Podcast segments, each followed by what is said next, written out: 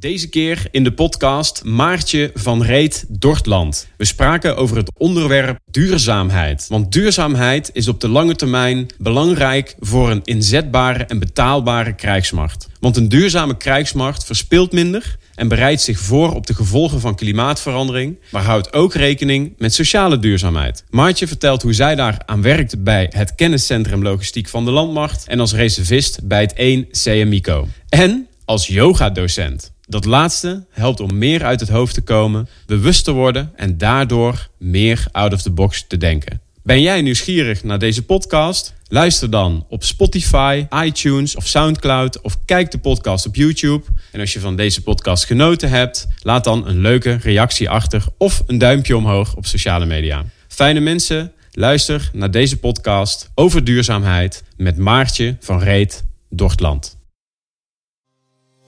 Het ministerie van Defensie. Een bedrijf met gepassioneerde, trotse en talentvolle mensen.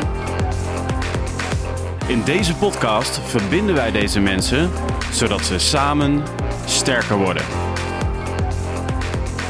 Zoek Samen Sterker podcast en luister of kijk via YouTube, Gpal, iTunes, Spotify of Soundcloud. Alright, nou welkom Maartje van Reed Dortland. Vandaag uh, in de uh, studio hier zo.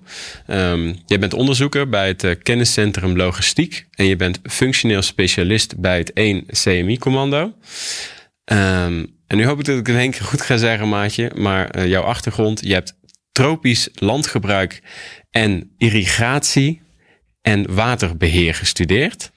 Ja, dat klopt. Zeg ik dat in één keer goed nu? Ja, ja. ja hoewel dat, die, dat irrigatie en waterbeheer was een specialisatie binnen de studie tropisch landgebruik. Maar maakt verder niet uit. Oké, ja. oké. voor mij, maar het, het, geeft een beetje context aan de mensen hè, waar je vandaan komt. Ja, in Wageningen trouwens. In Wageningen, kijk. En je hebt nog promotieonderzoek gedaan. Ja. En dat ging over?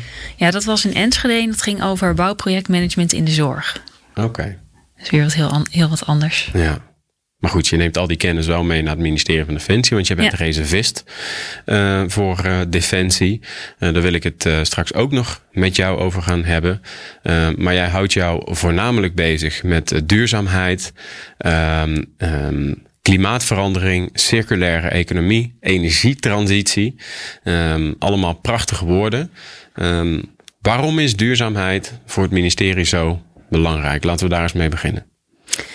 Ja, het is eigenlijk op heel veel vlakken is het heel belangrijk. Nou, um, ja, want ik zal ook over beginnen met wat is duurzaamheid nou eigenlijk? Want um, ja, eigenlijk de definitie is daarvan van dat je dingen eigenlijk eindeloos kan volhouden. Dus zonder dat je dingen uitput. Dus als wel sociaal als uh, milieu. Um, ja. jij gewoon lekker door. Ik wil zeker weten dat het geluid aanstaat. Oh ja. Want Eelco ging dat net doen. Maar jij gaat oh, ja. helemaal uitleggen wat duurzaamheid is. Oké, okay, is goed. Ja. Ja, dus, uh, dus dat jij eindeloos kan doorgaan met, met waar je mee bezig bent. En, um, um, en ja, klimaatverandering is natuurlijk een uh, enorm belangrijk onderwerp, wat nu ook heel erg uh, in, de, in het nieuws is natuurlijk met de top in Glasgow. Um, ja. Ik ben er weer. Oké, okay, ja. En Goed, nou, wat het gebied van duurzaamheid is vooral klimaatverandering natuurlijk nu heel erg onder de aandacht. Wel natuurlijk sociale duurzaamheid is ook uh, minstens zo belangrijk. Maar uh, nou, we hebben de, Sustainable Development Goals. Dus dat zijn de, de duurzaamheidsdoelstellingen van de Verenigde Naties. Die zijn op hele vers verschillende vlakken zijn die. Dus ook op uh, maatschappelijk vlak. gelijkheid van mannen en vrouwen bijvoorbeeld. Uh, maar ook uh, milieu, biodiversiteit, dat we die allemaal, dat allemaal verbeteren op aarde. Want zoals het er nu voor staat, gaat het allemaal degraderen. Is het tegenovergestelde van duurzaamheid. Het is allemaal een neergaande lijn. En we willen natuurlijk op termijn willen we op aarde kunnen blijven leven. Um, nou ja, dus um, op al die vlakken, als dat slecht gaat, dat betekent dat zorgt ook weer voor conflicten. Dus daarmee heeft het dus een directe impact op, op defensie natuurlijk. Um, en ja, er zijn ook nog andere aspecten. Bijvoorbeeld uh, de grondstoffen die raken op. Maar Defensie is echt een groot verbruiker van allerlei grondstoffen. Zoals? Zoals, nou ja, fossiele brandstoffen natuurlijk. We hebben allemaal materieel. Daar zitten allerlei uh, kritische aardmetalen in. Um, en als die op een gegeven moment op zijn, we hebben ze bijvoorbeeld ook nodig voor, uh, voor, voor batterijen. Natuurlijk wel nu ook met de energietransitie een issue is. Um, maar als die metalen opraken, dan, ja, dan wordt het en duurder en niet meer beschikbaar. Dus dan kan Defensie minder over die, al dat materieel uh, beschikken. Dus je hebt aan de ene kant is het veiligheidsaspect, aan de andere kant is ook de, de manier waarop, uh, op, waarop defensie optreedt. Daar heeft het uh, effect op.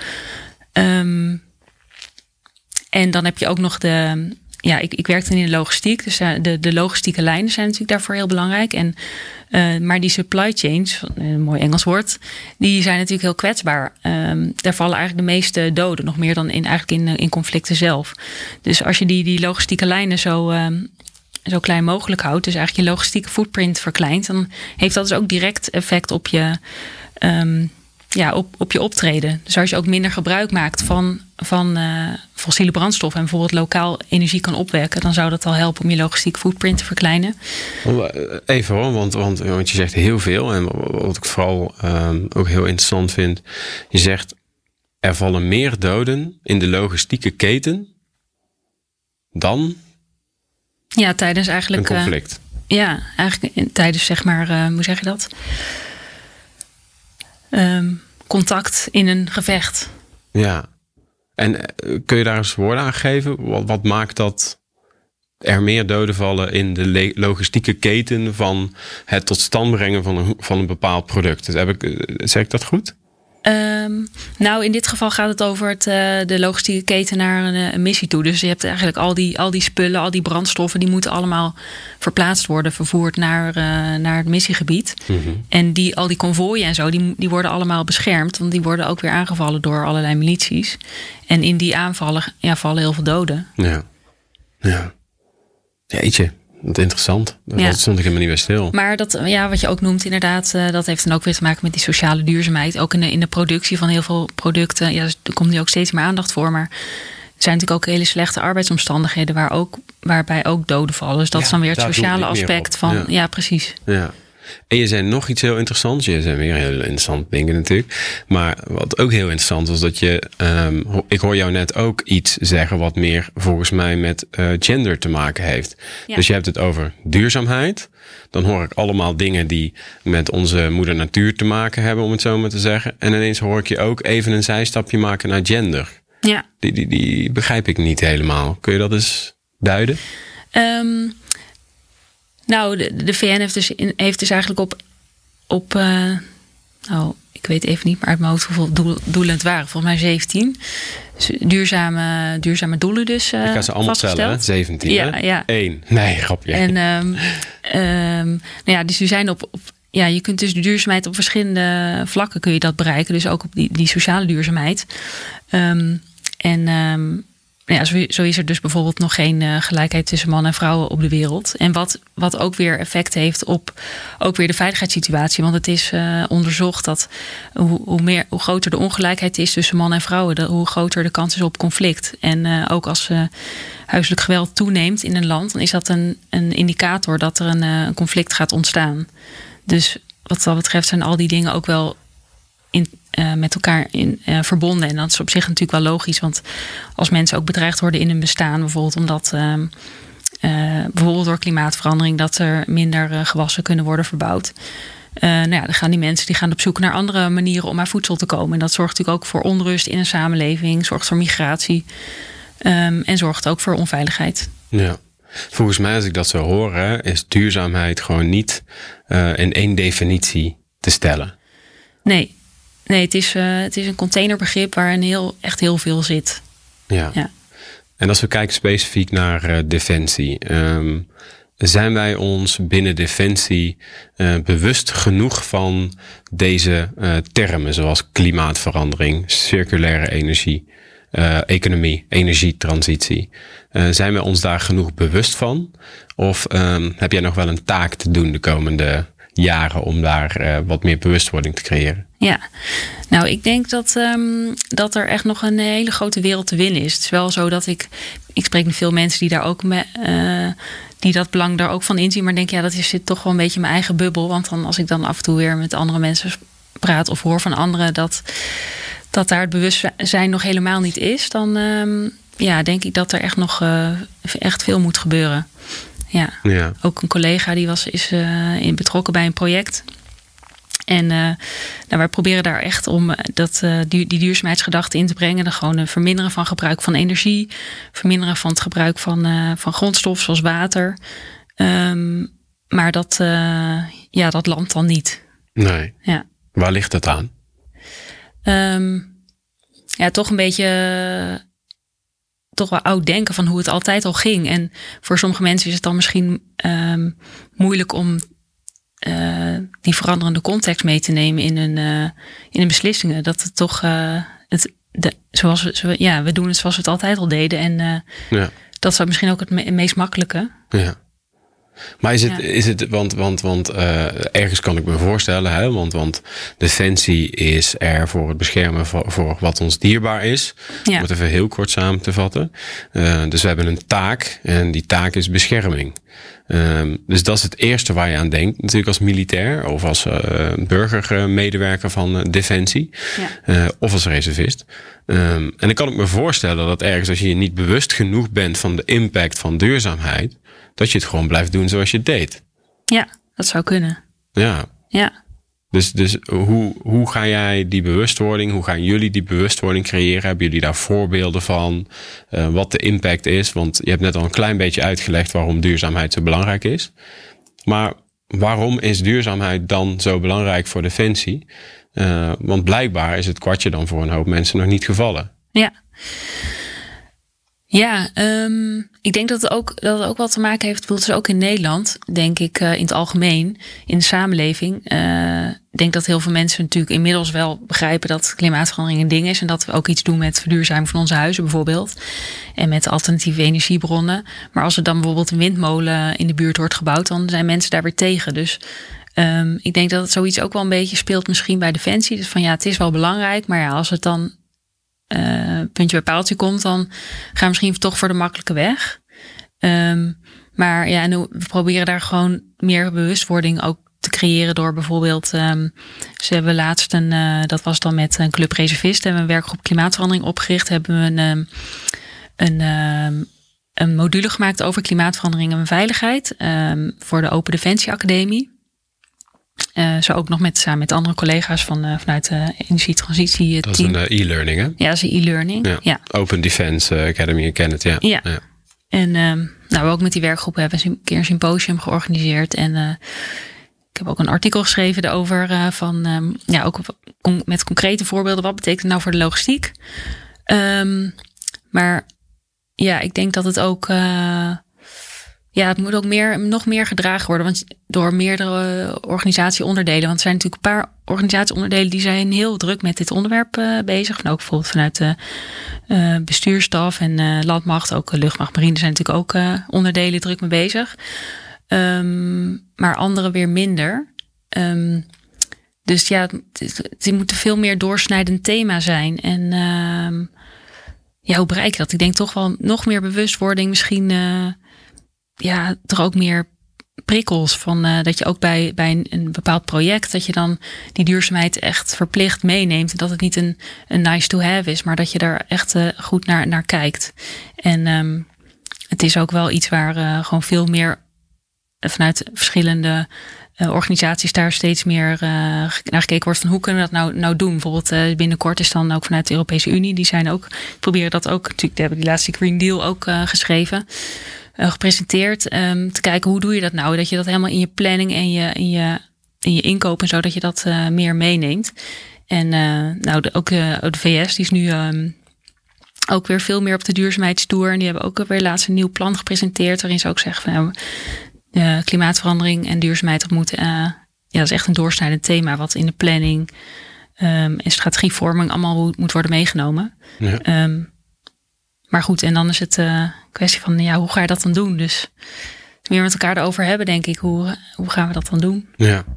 Ja, want ik denk dat mensen toch altijd wel op zoek zijn um, als ze hun functie uh, uitoefenen dagdagelijks.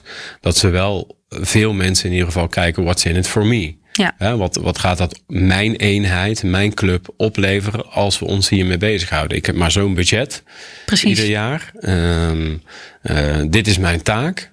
Ja. En daar moet je dan toch een bepaalde, um, ja, hoe zeg ik dat? Een, een, bepaalde manier in vinden om daarmee uh, de ballen hoog te houden, om het zo ja. maar te zeggen. En als er dan ook nog iets bij komt als duurzaamheid, uh, dan moet er wel een bepaalde sense of urgency zijn waarom je dat zou willen doen. Ja, nee, klopt. En soms is het niet altijd zo, maar het kan ook zijn dat inderdaad uh, misschien de investering wat hoger is als je het op een uh, duurzamere manier inkoopt. Dat zou kunnen. Ja. Dus dan moet je inderdaad wel dat goed kunnen verkopen waarom het al nodig is. Want wat, wat kunnen wij morgen al doen als je het laagplukkend fruit? Wat kunnen wij, wat misschien no nu nog niet zoveel gebeurt, uh, wat kunnen we morgen al doen op het gebied van duurzaamheid als defensie?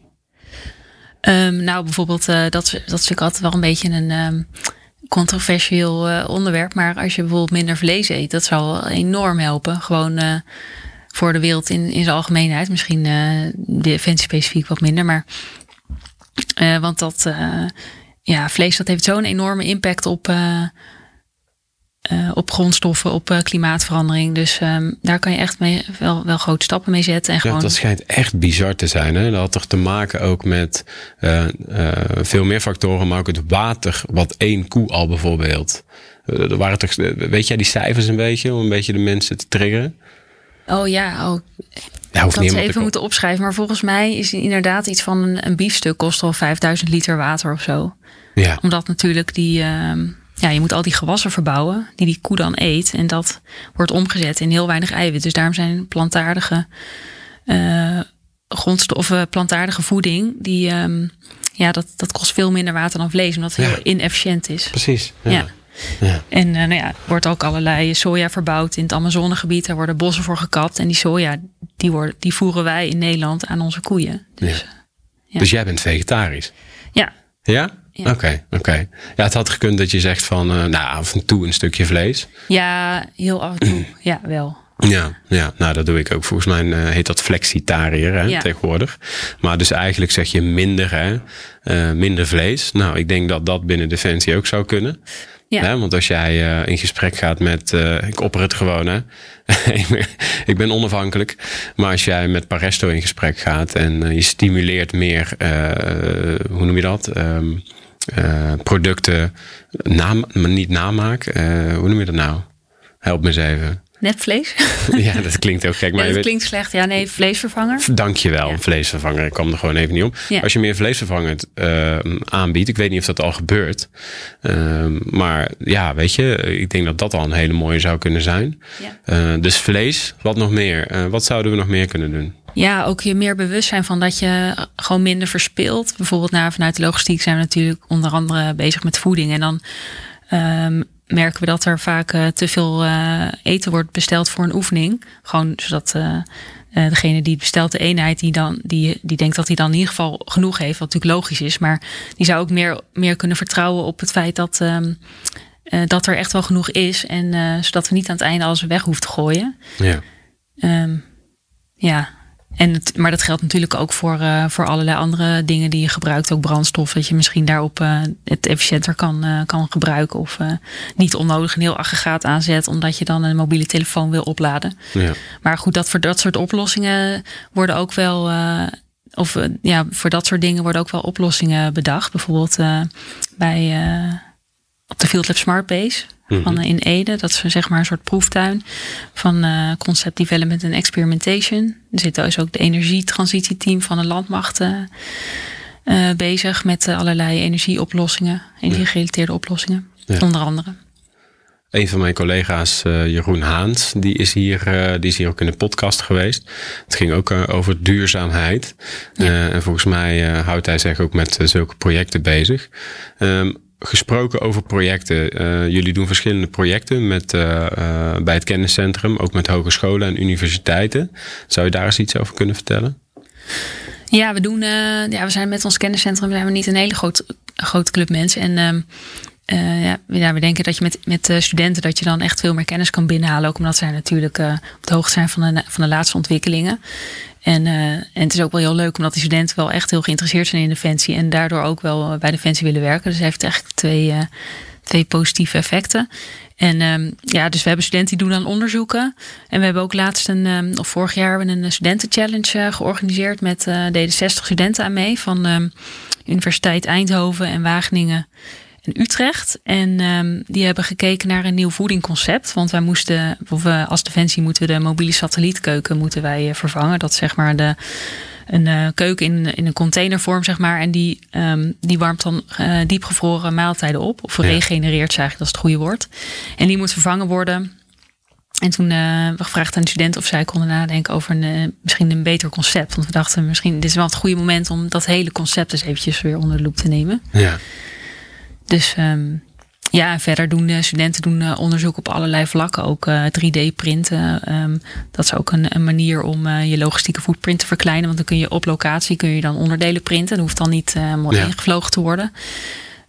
3D voedselprinten, dat is een, een, onderwerp waar we bezig zijn. Ook om, het heeft dan weer te maken met ja, de duurzaamheid van de mens. Dat die langer in, beter inzetbaar is en gezonder blijft. Daar moet je me echt even mee helpen. 3D voedselprinten? Ja. Ja, nou... Um, ja, je kunt dus uh, je kan van alles 3D printen, uh, waaronder ook voedsel. En het idee is eigenlijk dat. Um, um, ja, het idee is dat we uiteindelijk toe willen misschien naar een, een printer die dan uh, repen kan printen voor herstel of uh, voordat je het veld in gaat en die je dan mee kan nemen. En die dan helemaal op jou gepersonaliseerd is. Dus, uh, dus je krijgt ook een voedingsadvies en um, dat zou dan in een app zitten. En daarmee kan je dan, uh, en, die, en die app die vertaalt dat dan naar die printer van wat, wat dan jouw behoefte is. En ook op basis van jouw activiteit in de, in de uh, ja, in de, in de afgelopen tijd. Ja.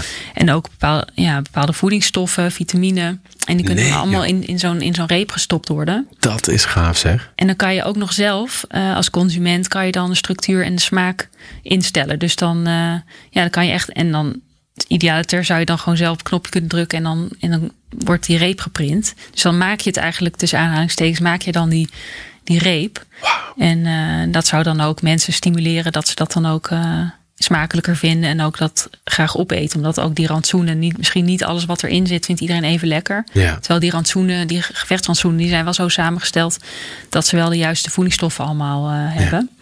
Maar dit zou dan een toevoeging uniek, kunnen zijn. Zeg. Dat is Ja. kicken zeg. Echt, Ja. ik, ik word niet vrouw. Ik vind dit wel heel gaaf. Want ja, ieder mens is natuurlijk uniek. Hè? We hebben heel lang uh, Ja. gedacht, uh, one size fits all. En Ja.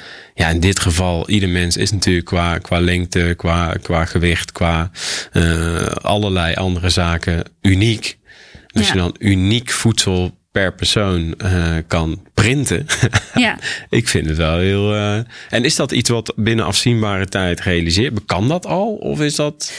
Ja, het is nu het is ook een onderzoek um, wat, wat nu loopt met uh, Wageningen Universiteit en TNO. Um, en uh, er, er, kan, er kunnen al wel allerlei dingen geprint worden. Uh, maar zo'n specifieke race, zoals ik net beschreef, dat, dat kan nog niet. Uh, je, en uh, daarnaast ja, stelt natuurlijk ook eisen aan de snelheid waarmee je, waarmee, waarmee je print. Als je voor een heel peloton bijvoorbeeld wil printen, dan heb je ook wel uh, misschien wel weer een grote machine nodig. Maar er kan op zich al best wel aardig wat geprint worden. Um, ja, er kan zelfs, uh, dat hoorde ik laatst op de radio, vlees geprint worden. Ja. Um, wordt nu ook wel uh, er wordt nu ook hele maaltijden geprint. Dat is al echt een toepassing voor mensen met uh, dysfagie. Dat is dat je niet goed kan kauwen. Dus dan wordt er gewoon een maaltijd, bijvoorbeeld aardappels, vlees, groente. Dat wordt dan, op een, wordt dan geprint en dat ziet er echt zo, ook zo uit op een bord. Ja. Um, maar die mensen kunnen dat dan wel uh, goed wegkrijgen. Ja. maar dat, ja, dat stimuleert hun dat ze dan toch goed eten. Ja. Um, er is wel ja. één, één, één minder dingetje aan, maatje. Nou. Ja. Ja, wij maakten vroeger van de wolpakketjes. Ja. maakten wij altijd uh, cake. Oh ja, dus dat de, kort. Ja. ja, dan gingen we de, de, de, de kakies, die gingen we klein maken. En dan deden we dan chocomel en melk en suiker en alles. En die gingen we dan in die mestins, die ook super goed voor je gezondheid waren. Uh, gingen we cake maken. En was die cake echt lekker? Nee. Niet als je thuis was geweest, maar in het veld was die ja. Sorry. Ja. ja, ja, ja. Maar hey, repen op uh, ja, ja, gepersonaliseerde uh, voedingsrepen. Ja, geweldig. Ja. Echt mooi zeg. Ja, dat het gewoon uh, kan. Hè? Dat dat in de toekomst gewoon uh, re realiteit gaat worden. Ja. Um, en en, en nou, super gaaf. Hè? Dus samen met studenten uh, werken jullie samen uh, vanuit hogescholen en universiteiten. Um, en, en wat is dan jouw rol hierin, vanuit waar je vandaan komt? Jij bent reservist. Uh, ben jij degene die dat allemaal, al die mensen aan elkaar koppelt? Of, of, hoe ziet jouw dag er dan uit? Ja, inderdaad. Die, die mensen aan elkaar koppelen. Studenten begeleiden. Um, ja, mensen spreken over toepassingen. En uh, ja, zelf probeer ik af en toe ook wat, uh, wat te schrijven over de verschillende onderwerpen om mensen bewuster te maken. En nou ja, wat ik vertelde over bijvoorbeeld zo'n um, zo'n online leermodule opzetten. Ja, ik denk af en toe ook wel, wat heb ik nou gedaan vandaag? Maar dan, ja. ja, maar even, ja. dat wordt dan heel snel gezegd, even een stukje schrijven. Ja. ik ben niet echt een schrijver en ik verplaats dat dan elke keer en dan schuif ik dat naar voren. En dan uh, daar kun je soms wel eens dagen mee bezig zijn. Hè? Even een stukje Absoluut, schrijven. Ja. Dus, um, dus oké, dus jij bent eigenlijk een beetje de linking pin. Jij uh, inspireert mensen, je koppelt mensen aan elkaar. Um, en waar ik dan ook wel benieuwd naar ben natuurlijk, want jij hebt ja, dat vanuit tropisch land uh, uh, gebruik en irrigatie en waterbeheer. En nog een promotieonderzoek op een heel ander vlak. Um, ja, dan ben ik toch benieuwd, wat heeft jou dan op een gegeven moment naar een bedrijf als Defensie getrokken dat je reservist bent geworden? Ja, nou, ik, um, ik was aan het promoveren en er was een uh, collega, zij was toen ook bezig om reservist te worden. Zij had internationale betrekkingen gestudeerd. Um, en toen zei ze van, ja, met jouw achtergrond, irrigatie en waterbeheer. Toen speelden net die, uh, uh, die PRT's, de provinciale reconstructieteams in Afghanistan. Ja, dat weet ik nog wel. Ja, en die waren ook uh, bezig met onder andere met um, ja, een beetje wederopbouwachtige projecten. Ook, Wil je nog water trouwens? Oh ja, dankjewel. Met irrigatiestelsels die uh, door de niet, oorlog. Niet zeggen voor de luisteraar dat het bier is, hè? Nee. Trouwens, dit. Ja. Sorry, irrigatiesystemen die verwoest ja. worden. Ja, ja en. Um, zei ze, oh, dat is wel echt iets voor jou. Ook een beetje en dat uh, avontuurlijke, actieve, dat uh, vind je vast wel leuk. Dus toen uh, ben ik me daarin gaan verdiepen. En toen dacht ik, ja, waarom niet? Dus toen heb ik me aangemeld als reservist. Hm. Maar ik ben nog nooit naar Afghanistan gegaan. Maar toen vond ik wel, ja, naarmate ik meer deed voor Defensie, vond ik het wel super interessant. En ik dacht ook wel, er is ook, ja, er, er speelt zoveel. Wat iedereen ook zegt, is ook waar. Dat het een mini-maatschappij is. Dus, um, en nou ja, en toen kwam die functie langs voor uh, onderzoeken bij het uh, kenniscentrum logistiek. En dat uh, logistiek is ook echt heel divers. En je kan er zoveel onderwerpen in kwijt. Ook wat, ja, waar mijn persoonlijke interesse ligt. Dus ook die, die duurzaamheid, dat is gewoon, komt ook in de logistiek heel erg terug. Ja. Daar kan je tenminste stappen zetten. Um, dus daarom ben ik dat gaan doen. Mooi. Mooi. Ik weet dat nog wel in mijn tijd in Afghanistan. Dat je inderdaad.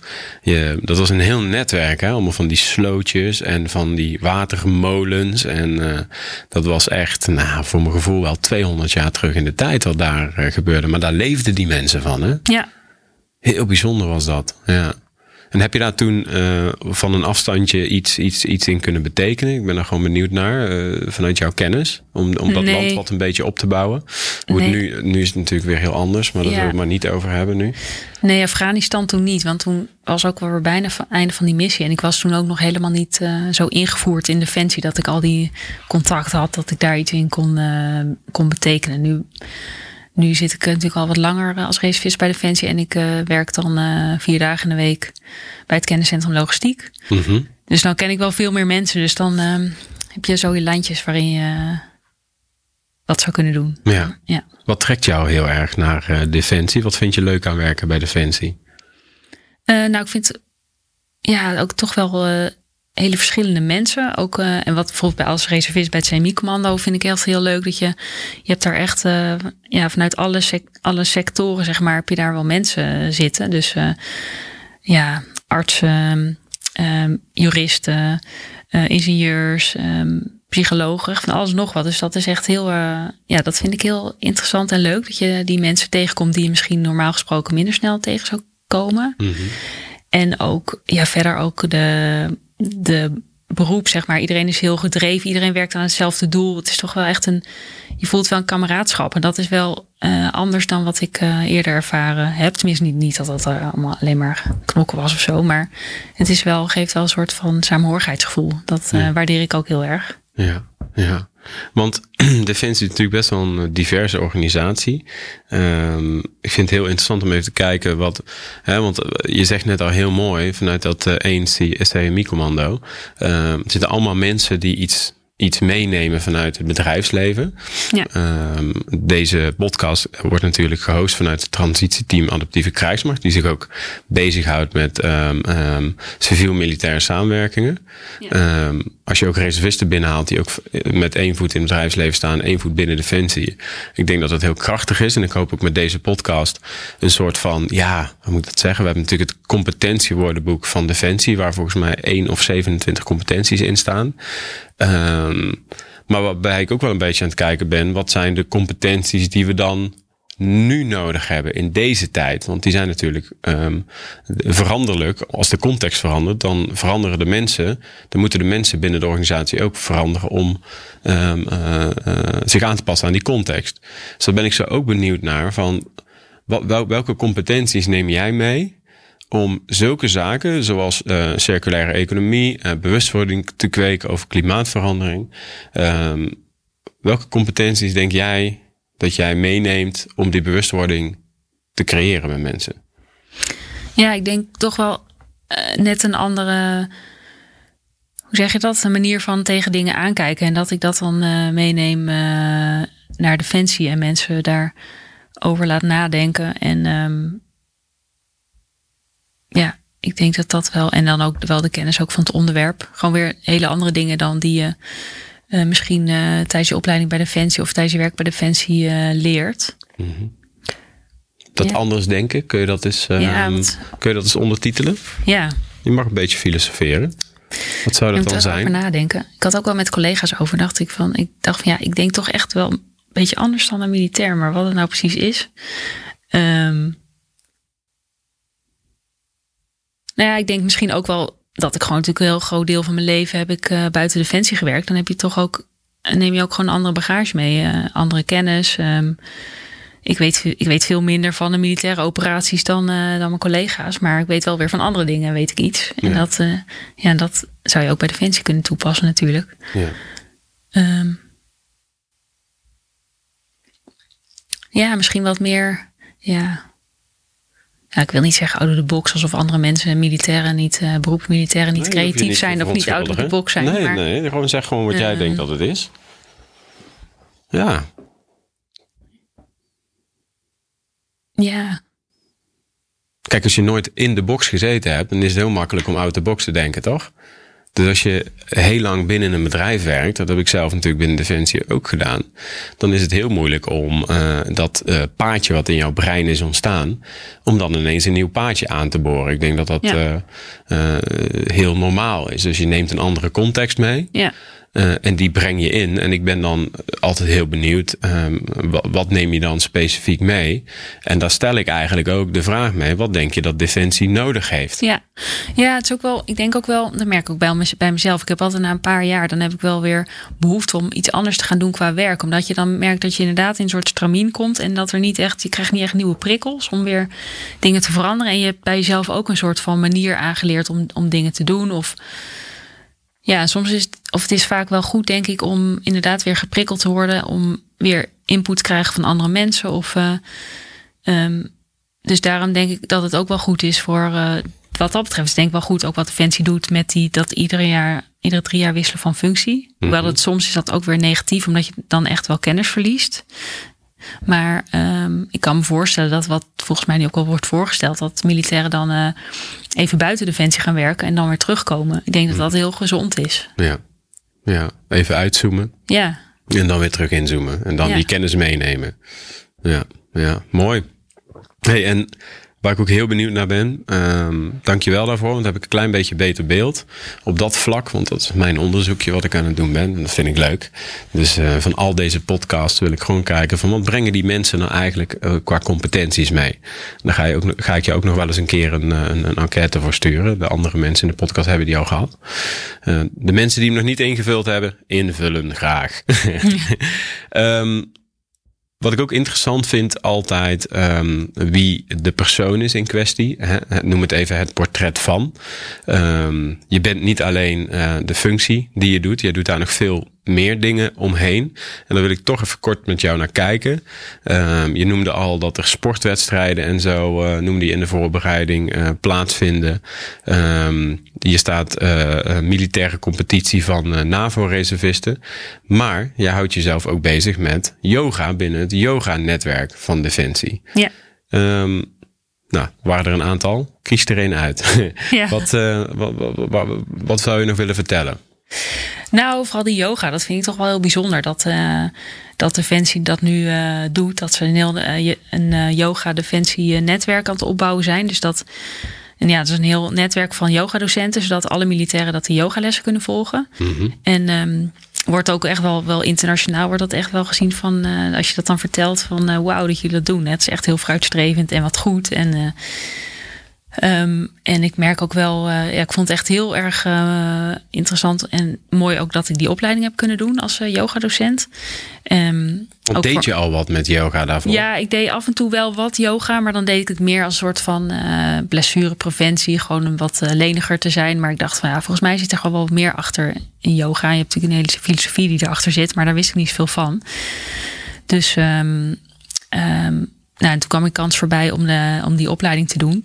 Dus toen heb ik dat gedaan. Ja. En um, uh, ja, ik vond het echt super waardevol. En ook heel leuk om met collega's die opleiding te doen, die om allerlei verschillende redenen de opleiding volgden. En daar bleek ook wel dat echt, uh, ja, vooral ook uh, militairen die gewoon best wel um, ja, zware, ook mentaal, maar ook fysiek zware, zware missies hebben gehad. Dat die, dat die daar ook wel een soort van, ja, dat ze daar echt wel kracht uit halen. En ook mentale rust. En ja, dat vond ik wel bijzonder om te horen. Want voor mezelf, ja, ik moet eerlijk zeggen dat ik denk van. Ik heb niet hele ingrijpende dingen meegemaakt. Mm -hmm. Ik ben niet op uitzending geweest. Dus, uh, maar goed, voor mij is het nu al wel een, ook een, wel een, een moment van rust. En ik haal er ook wel meer uit dan wat ik uh, daarvoor had. Ja, ja. Dus eigenlijk zeg je, want uh, ik heb er niet eens een uh, podcast uh, over opgenomen. En je weet dat ik er zelf ook een, een dingetje mee heb. Hè. Toevallig ook de teacher training gedaan recent, alleen dan in het buitenland. Um, um, dus ik weet wat het kan brengen. Hè. Het is echt fenomenaal wat, wat yoga een mens kan brengen. Ook mannen. Um, dus um, in, in, in mijn beleving, als je naar de filosofie kijkt, dus niet in mijn beleving, als je naar de filosofie kijkt, um, was het eigenlijk iets wat mannen deden vroeger. En was het niet eens uh, de, de bewegingen die wij zien in het Westen, uh, waar veel vrouwen eigenlijk uh, aan deelnemen. die die bewegingen noemen ze asanas. Um, of asanas, dus net hoe je het uitspreekt. Um, en eigenlijk is het iets wat, uh, wat iedereen zou moeten doen. Want het is gewoon hartstikke goed om door middel van je lichaam, of door middel van ademhaling, of door middel van leefstijl, wat minder in je hoofd te zitten. Ja. Uh, en je wordt er ook nog eens, uh, als je het veel beoefent, een stuk leniger. En juist veel sterker van, mentaal ook. Ja. dus ik denk dat het heel goed is voor, uh, voor, juist voor militairen. Ja, ja absoluut. Ja, supergoed. Ja, wat je zegt inderdaad. Je, je, je, leert je lichaam weer meer kennen. Je gaat uit je hoofd. En dat zit vooral in deze westerse samenleving. Iedereen zit de hele dag maar in zijn hoofd achter die computer. En, en verliest een beetje de connectie met, met, met het lichaam. Terwijl dat lichaam ook best wel veel signalen geeft als het niet goed gaat. En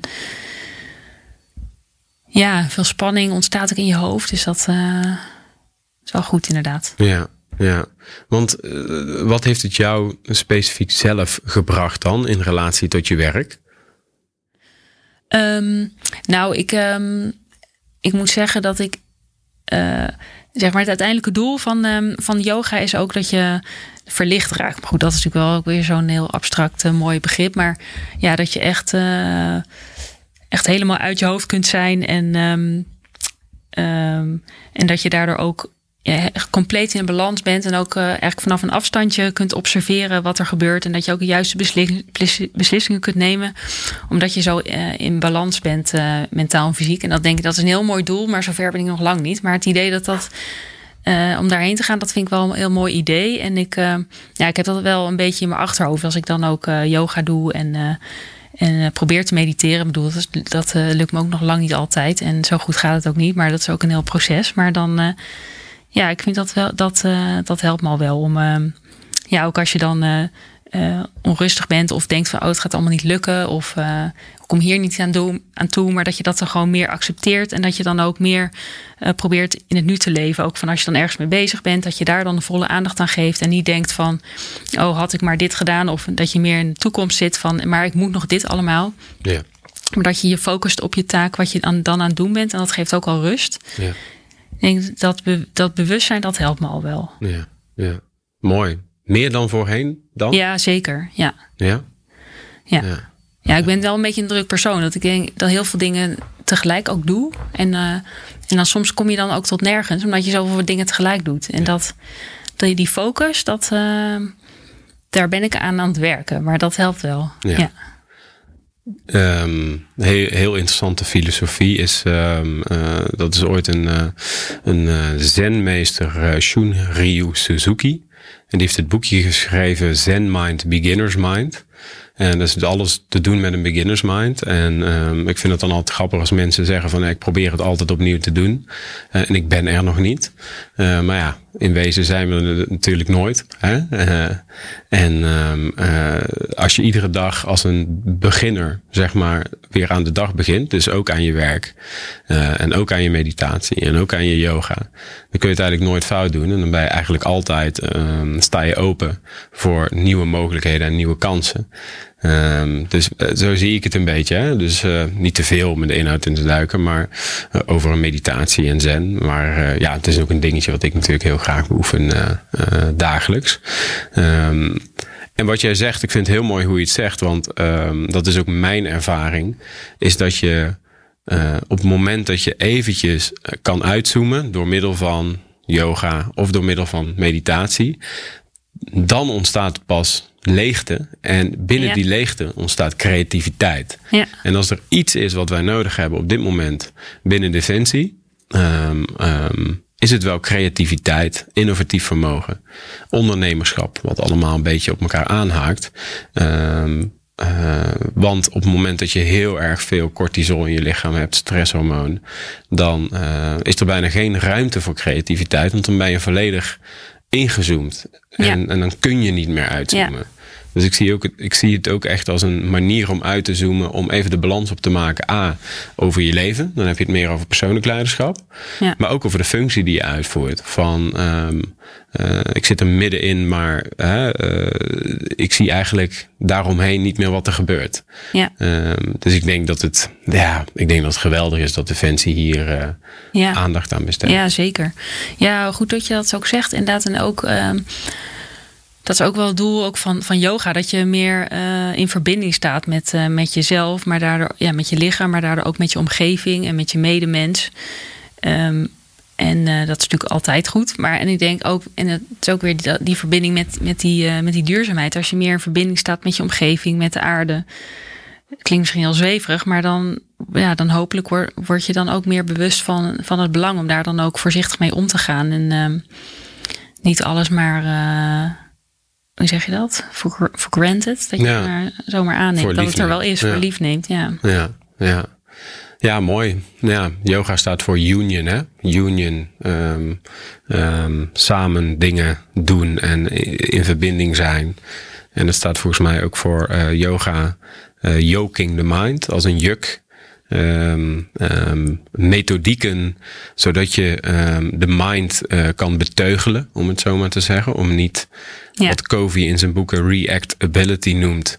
Dat je niet direct op uh, alle emotionele impulsen reageert, maar dat je die tijd daartussen enigszins kan uitstellen voordat je daarop reageert. Ja. Uh, en ik denk dat dat het creatieve en het innovatieve vermogen van een organisatie ook weer heel erg van jezelf uh, maar daarmee kom je soms zelf ook misschien dat je al jaren in een functie zit waar je misschien helemaal niet gelukkig in bent. En dat je dan de keuze maakt om misschien eens iets anders te gaan doen. Dat je denkt, ja. de balans opmaakt ja. vanuit die leegte. En dat je denkt, ja, ben ik eigenlijk wel gelukkig hier? Of moet ik niet eens um, iets anders gaan zoeken? Dat kan ook natuurlijk het geval zijn. Of juist meer gas te geven op datgene waarvan jij echt denkt dat het belangrijk is. Ja. Ja, inderdaad. Gewoon meer tijd voor reflectie. Want iedereen die, die, die rent maar door. Ja. Maar uh, dat zou wel goed zijn. Ja, iedereen is ook, ook super druk. Maar dat is wel goed om uh, inderdaad af en toe eventjes... Uh, ja, wat je zegt, die leegte op te zoeken en, en te reflecteren inderdaad. Ook op je, op je emoties en, en waarom je reageert op bepaalde emoties. Ja. ja. Yoga. Iedereen moet aan yoga ja, gaan doen, zeker. Ja. nee, niemand moet niks trouwens. Nee, zeker niet. Maar ik kan nee. je wel zeggen, ik heb net bijna anderhalve maand in Thailand aan één stuk gedaan. En uh, ja, het is echt on, ongekend wat, wat je dan. Uh, in ieder geval voor mij was het ongekend prachtig. Dus, uh, en ik heb daarna geen les meer gegeven, maar ik ben nu wel yoga teacher. Ja. misschien nog eens binnen het netwerk. Dus misschien ja. wel leuk. Ja. Wie moet ik trouwens interviewen als het gaat om het yoga netwerk? Wie moet ik dan echt uh, hier uitnodigen? Want dat wil ik eigenlijk ook nog wel doen. Ja, Shrikesh Bareshwar, die heeft dat zeg maar geïnitieerd. Dit, ah. Dus um, okay. Pandit van uh, Defensie. Dat ga jij voor mij regelen dat hij hier zit? Zeker. Ja? Ja. Mooi. Hartstikke leuk. Hey, waar ik nog even kort met je over wil hebben. Um, um, je hebt dus je yoga uh, docentopleiding gevolgd. Je wordt niet voor niks docent. je gaat binnenkort ook op uitzending op korte termijn. Uh, ga je daar dan yoga les geven? Of de, volgens mij heb ik je daar in de voorbereiding over gehoord. Of was dat heb ik dat fout geïnterpreteerd? Ja, zeker. Nee, ik, uh, ik ga inderdaad op uitzending. En ik, um, ja, het lijkt me wel leuk om daar yogales te gaan geven, inderdaad. En als het dan niet is aan uh, collega's daar, dan misschien wel online uh, aan mijn collega's in Nederland. Maar... Oh, dat is grappig. Ja. ja waarom niet? Ja. ja. ja. Heb je zin om op uitzending te gaan? Ja, ik kijk wel steeds meer naar uit. Het was wel ook weer druk, gewoon in, qua voorbereiding en afronden van andere werkzaamheden. Maar mijn voorgangers zijn ook allemaal heel enthousiast. En volgens mij is het echt een super mooie functie. Dus ja, daar heb ik wel zin in. Leuk. Ja. Superleuk, superleuk. Hey, um, als de laatste vraag. Uh, als het gaat om, om daarmee af te sluiten. Als het gaat om uh, duurzaamheid. Uh, de onderwerpen waar jij je dagelijks mee bezighoudt. Circulaire economie, energietransitie. Heb jij nog een, een, een laatste boodschap aan defensiecollega's. Als het gaat om bewustwording. Misschien gewoon iets heel simpels waar ze zich mee bezig kunnen houden. Ja, misschien gewoon in je eigen omgeving kijken van wat kan je wat kan je doen aan, uh, um, ja, aan, aan duurzaamheid? Al is het maar afval scheiden of uh, minder voedsel weggooien. Of uh, in je eigen huis misschien wat tegels uit je tuin halen. Zodat er meer water kan infiltreren in, het wa in, in, in de grond. Mm -hmm. Dat soort dingen. Ja. ja, je zou bijna zeggen common sense. Ja. Um, maar dat doe ik mensen ook mee tekort, realiseer ik me. Want die tegels, dacht ik, daar heb ik wel eens iets over gehoord. Ja. Um, het is natuurlijk veel mooier als je gewoon een, uh, hè, als het helemaal strak is en er komt nergens onkruid naar boven. Maar je hebt het toch echt wel over die dingen. Ja. Uh, uh, en hoe zit dat dan binnen Defensie zelf? Hè? Want afvalscheiden, doen we dat binnen Defensie al genoeg? Um, ja, ik heb daar niet zo heel veel inzicht in. Maar um, uh, nou ja, wat ik dan zelf af en toe wel zie, van dan wordt toch alles weer op één hoop gegooid. Dan vraag ik me af van in hoeverre dat nou gescheiden wordt. Maar in ieder geval ook het minder produceren van afval als dat kan. Dat zou al, uh, al goed zijn. En um, ja, dat zijn gewoon de, kleinere dingen. Het licht uitdoen, bij wijze van spreken, carpoolen. Um, maar ja, misschien uh, kan je vanuit je werk heb je wel meer invloed dat je ik weet niet, een bepaalde functie hebt waarbij je spullen moet aanschaffen. En dat je daarbij ook kijkt naar energieverbruik en uh, uh, of het misschien uh, circulair kan, dat je iets, iets ja. circulairs aanschaft. Ja, ja. iets wat hergebruikt ja. is eigenlijk. Ja, ja of wat ja, waarvan je onderdelen kan hergebruiken. Of wat zeg maar dat de fabrikant dat later misschien de verschillende onderdelen kan hergebruiken als het einde levensduur is van een apparaat. Ja, ja. Dit is wat mensen kunnen doen. Um, uh, is dat er al misschien iets van een, uh, een locatie waar mensen, een website of zo die jullie hebben gemaakt, waar mensen naartoe kunnen gaan als ze een goed idee hebben op deze onderwerpen? Of waar ze juist informatie kunnen halen voor zichzelf? Is dat er inmiddels? Of? Um, ja, dat is wel een goeie. Nou, ja, we hebben ook een, een duurzaamheids ja, werkgroep ze kan ik niet noemen. Ja, duurzaamheidsgroep gewoon. Dus door Jong Defensie opgericht, maar het is nu voor iedereen uh, is, is dat. En dat uh, mensen die geïnteresseerd zijn in het onderwerp kunnen zich daar kunnen zich daar melden. Volgens mij werd er ook gewerkt aan een website, maar dat weet ik niet heel zeker. Maar in ieder geval, volgens mij is er vanuit de energietransitie is er, is er wel een uh, SharePoint site. Ja, het is allemaal nog vrij versnipperd. Dus, ja. Maar de inkooporganisatie is er ook mee bezig. Die hebben ook een site met allerlei circulaire voorbeelden. Ja. Die al zijn bij Defensie. Dus het is niet zo dat het allemaal heel negatief is. Want er, er zijn al wel echt wel duurzaamheidsinitiatieven. Ja. Ja, en anders moeten ze mij maar mailen. Of collega. Ja. ja. Nou, zoek in ieder geval voor de defensiemedewerkers die er naar luisteren. Zoek op uh, Maatje van Reet uh, Dortland. Um, ik wens jou heel veel succes op je uitzending. Ik wens jou heel veel succes met jouw yoga journey. En ik wens jou heel veel succes met het kweken van bewustwording uh, rondom duurzaamheid. Dankjewel. En dankjewel. Jo.